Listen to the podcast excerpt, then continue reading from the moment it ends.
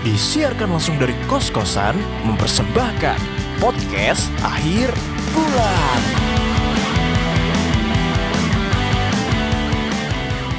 Halo semuanya, selamat datang di podcast akhir bulan bareng gue Diki Fajrian. Kali ini gue lagi ikutan lomba podcast yang bertemakan Surviving Corona ala gue yang diselenggarakan oleh kbr.id. Sudah enam bulan negara kita, Indonesia, terjangkit corona.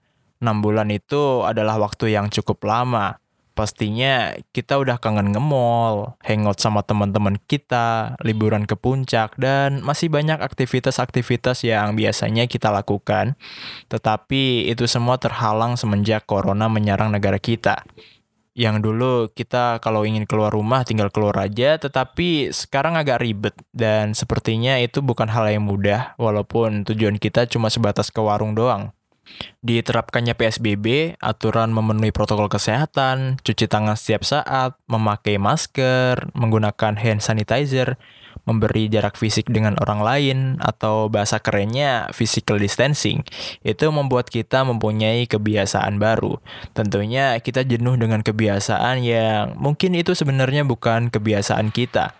Tapi yakin aja kalau ini cuma sementara, yang perlu kita lakukan adalah menjadi masyarakat yang baik, dan menaati segala macam protokol kesehatan biar virus ini tuh cepat hilang dari negara kita. Pastinya ada cerita-cerita unik yang di saat itu mungkin kita lagi kesal dengan situasi seperti sekarang. Jadi semenjak ada corona, gue punya cerita yang mungkin bisa gue sharing. Jadi gini, sekitar bulan Februari, gue libur kuliah dua minggu cukuplah buat gue pulang kampung sebentar karena ingin melepas kangen gue buat ketemu keluarga gue. Ternyata dua minggu itu bentar banget, gak kerasa tiba-tiba udah masuk bulan Maret aja. Waktu itu bulan Maret, masih awal-awal waktu corona baru ditemukan di Indonesia. Gue balik ke Depok karena gue harus masuk kuliah lagi dan udah berjalan dua minggu gue kuliah, tiba-tiba gue melihat informasi dari kampus gue kalau perkuliahan diliburkan sampai waktu yang tidak ditentukan. Karena peraturan dari Kemendikbud yang harus mengadakan kegiatan kuliah di rumah atau istilahnya WFH. Langsung pada saat itu gue mikir kalau corona udah bikin kampus sampai libur, ke depannya bakal ribet nih kalau semisal gue gak pulang sekarang aja. Dan sekitar tanggal 20 Maret, gue langsung beli tiket bus dan langsung balik lagi ke kampung gue karena takut nanti gak bakal bisa pulang lagi karena akses jalan ditutup di mana-mana. Dan sesampainya di rumah, gue bersyukur banget karena gak lama setelah gue pulang kampung, ternyata akses jalan tol ditutup dan kebanyakan kendaraan yang akan mudik disuruh putar balik. Dan gue membayangkan kalau gue gak cepet-cepet pulang saat itu mungkin gue lagi gabut di kosan dan gak bisa pulang dan gue mungkin sedih karena puasa dan lebaran gak bisa bareng keluarga. Dan di rumah otak gue serasa bingung gitu. Baru aja balik ke Depok udah balik lagi ke kampung. Yang awalnya gue kuliah langsung di kelas, sekarang harus di rumah masing-masing. Kebetulan gue juga anggota BEM di fakultas gue, yang biasanya rapat itu kita langsung, tetapi kali ini rapatnya berjauhan dari rumah masing-masing. Ya namanya manusia terkadang kalau nggak adaptasi dulu dengan kebiasaan baru, ya bingung seketika gitu ketika di rumah yang paling susah adalah mengatur waktu karena rumah itu menurut gue untuk istirahat. Sedangkan kalau kita ingin misalnya belajar atau bekerja ya di luar rumah. Awal-awal di rumah godaan terberat yaitu ngantuk, rebahan, dan tidur. Maka dari itu, hari demi hari gue belajar dan beradaptasi dengan kebiasaan baru ini. Tentunya di rumah aja dengan waktu yang cukup lama bukan menjadikan gue pribadi yang semakin males. Mungkin di awal-awal ya, tapi makin hari gue mulai survive dan mengubah strategi gue dalam mengatur semuanya supaya kuliah dan kerjaan gue tetap berjalan semestinya walaupun gue lagi di rumah. Surviving corona adalah bukan hal yang mudah. Kita perlu ngebiasain diri dan inilah surviving corona ala gue. Yang pertama mungkin kita bisa mulai dari hal-hal yang kecil dulu. Misalnya jangan begadang. Karena godaan terberat adalah di saat malam-malam kita lagi nggak ngapa-ngapain. Entah itu nonton YouTube atau bermain game atau ngapain aja sampai lupa waktu. Padahal sebenarnya itu adalah jam tidur kita. Pastiin tidur kita cukup minimal 6 jam. Sebisa mungkin kita terapin dan biasain diri tidur maksimal jam 11 malam untuk kita yang terbiasa tidur sampai larut malam. Mungkin sedikit susah, tapi harus dicoba dan dipaksa. Pasti bisa kok. Karena dengan tidur di bawah jam 11 malam, kita bisa bangun lebih pagi. Dan bangun pagi membuat badan kita menjadi lebih fit dibandingkan di saat kita bangun siang. Dan gue udah ngebuktiin itu dengan bangun pagi, kita mempunyai semangat dalam menjalani hari. Selain itu, jam bangun pagi yang bagus adalah sekitar jam 5 sampai jam 6 pagi. Manfaat yang kita dapat jika kita bangun pagi, kita bisa berolahraga supaya tetap sehat bugar dan meningkatkan metabolisme tubuh supaya nggak gampang sakit. Karena situasi dan kondisi seperti sekarang, bisa aja kita nggak ngapa-ngapain bisa sakit juga. Makanya kita perlu mengimbangi dengan olahraga, misalnya bersepeda, jogging, dan lain-lain. Kalau udah selesai berolahraga, selanjutnya istirahat sejenak. Setelah itu jangan lupa sarapan, makan sayur-sayuran yang bergizi yang bagus untuk tubuh kita. Minum air yang cukup supaya nggak dehidrasi. Jangan lupa untuk memperhatikan kebersihan badan kita dengan cara mandi dua kali sehari. Jika dirasa semuanya udah dilakuin, selanjutnya kita menjalankan rutinitas kita. Kalau untuk yang masih kuliah kayak gue, mungkin bisa menjalankan aktivitas kuliah via online. Biasanya gue buka Google Meet dan langsung fokus sampai perkuliahan selesai. Kalau ada kesempatan untuk tidur siang, gue biasanya tidur sekitar satu jam untuk ngecharge energi gue. Lalu gue bangun dan makan siang untuk mengisi tenaga gue. Biasanya kalau makan siang, gue makan makanan yang berat, misalnya daging kayak gitu. Pola makan juga perlu kita perhatiin. Karena saking lamanya kita di rumah, terkadang kita sampai lupa memperhatikan pola makan kita. Yang ada kita jadi buncit karena apa pun makanan yang ada di depan mata kita, kita makan. Jadi sebisa mungkin kita juga perlu untuk menjaga porsi makanan kita. Lanjut untuk mengisi waktu biar hari-hari gue nggak monoton dan supaya gue nggak gampang bosen, biasanya gue mulai bikin apa pun yang berhubungan dengan produktivitas bikin podcast kayak gini semisal.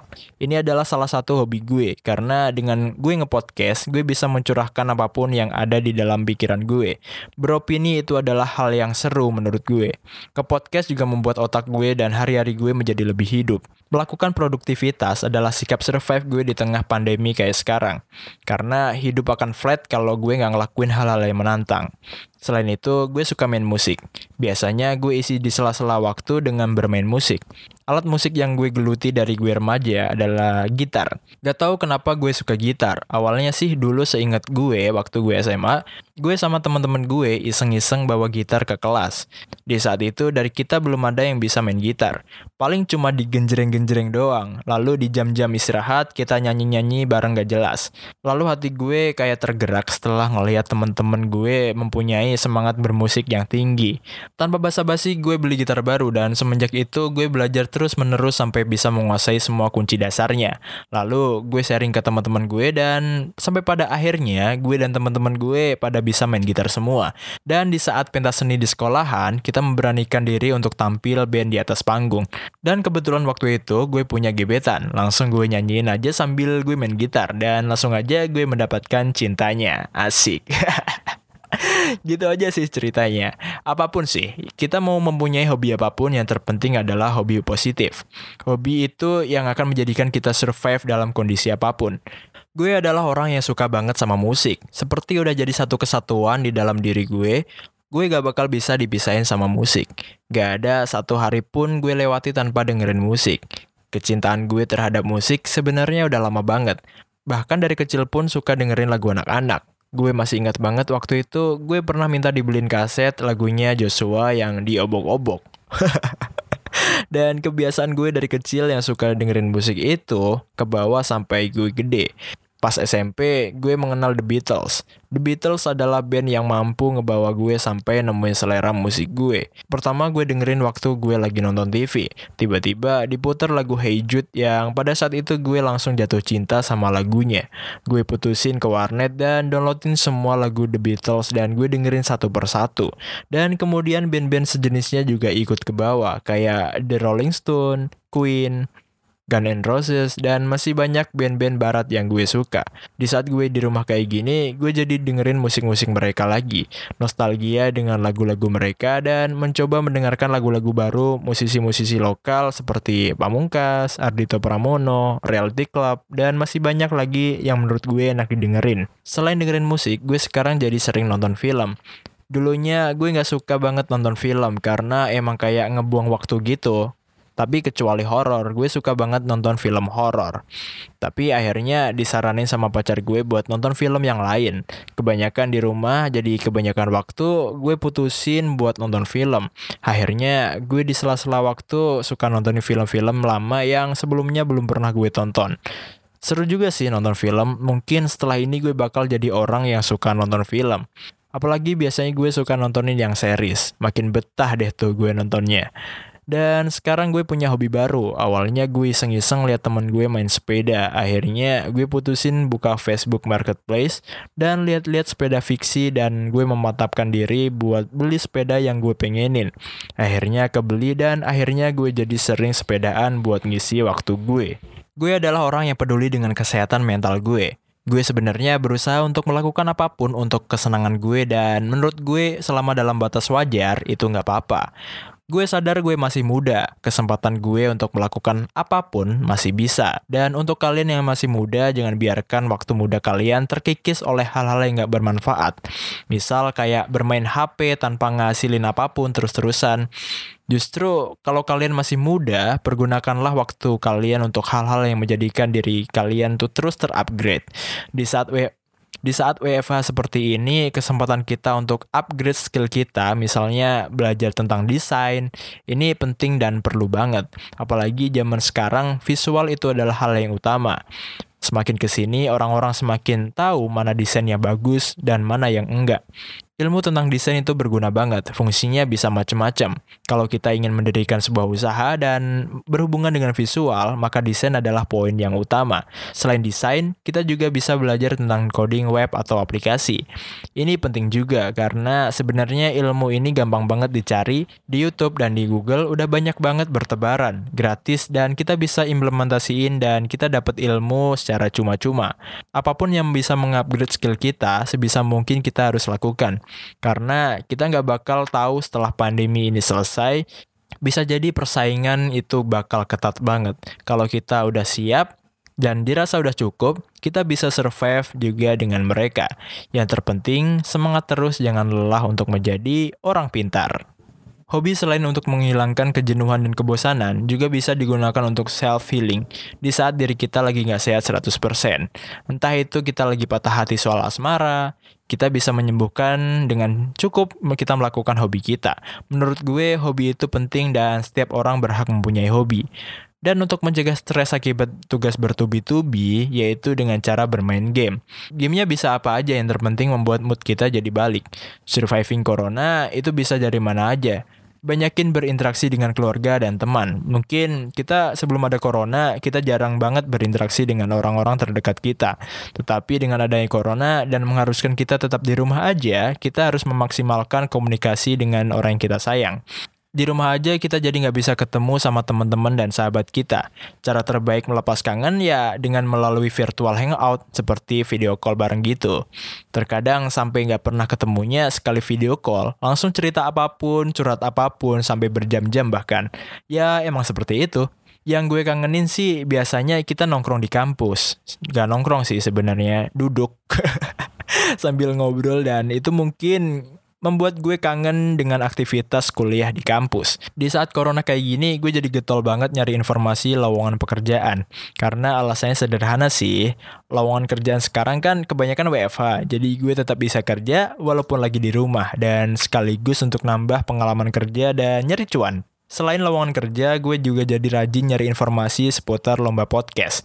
Dan kebetulan banget KBR.id mengadakan lomba podcast ini. Tanpa ragu-ragu, gue ikutan aja. oh ya, sekarang udah mulai sering hujan. Gue akhir-akhir ini jadi sering ngopi karena emang pas banget dingin-dingin kayak gini enaknya minum yang anget-anget. Dan untungnya di pandemi ini gue punya pacar, jadi setiap malam punya teman video call di saat gue mau tidur. Sedih sih emang LDRan tapi seru juga. Biasanya kita makan di luar bareng, tetapi sekarang kita makan di rumah masing-masing dan makannya sambil video callan. Konyol sih, tapi boleh dicoba bagi kalian yang punya pacar. Dan buat kalian yang masih jomblo, tetap semangat, jangan lelah untuk mencari, mencari, dan mencari. Harapan gue buat kita semua sih semoga kita tetap kuat menghadapin corona yang belum tahu kapan berakhirnya. Semoga kita tetap semangat dalam menjalani hari-hari kita, tetap tersenyum setiap saat, Kita pasti bisa dan kita pasti bisa melewatinya. Suatu saat nanti kita akan bangga menjadi bagian dari sekian miliar orang yang terdampak pandemi ini. Suatu saat kita akan cerita kepada anak cucu kita kalau kita dulunya pernah berjuang di masa pandemi virus corona. Tetap patuhi protokol kesehatan di mana pun kita berada. Terima kasih yang sudah mendengarkan. Gue Diki Fajrian. Bye.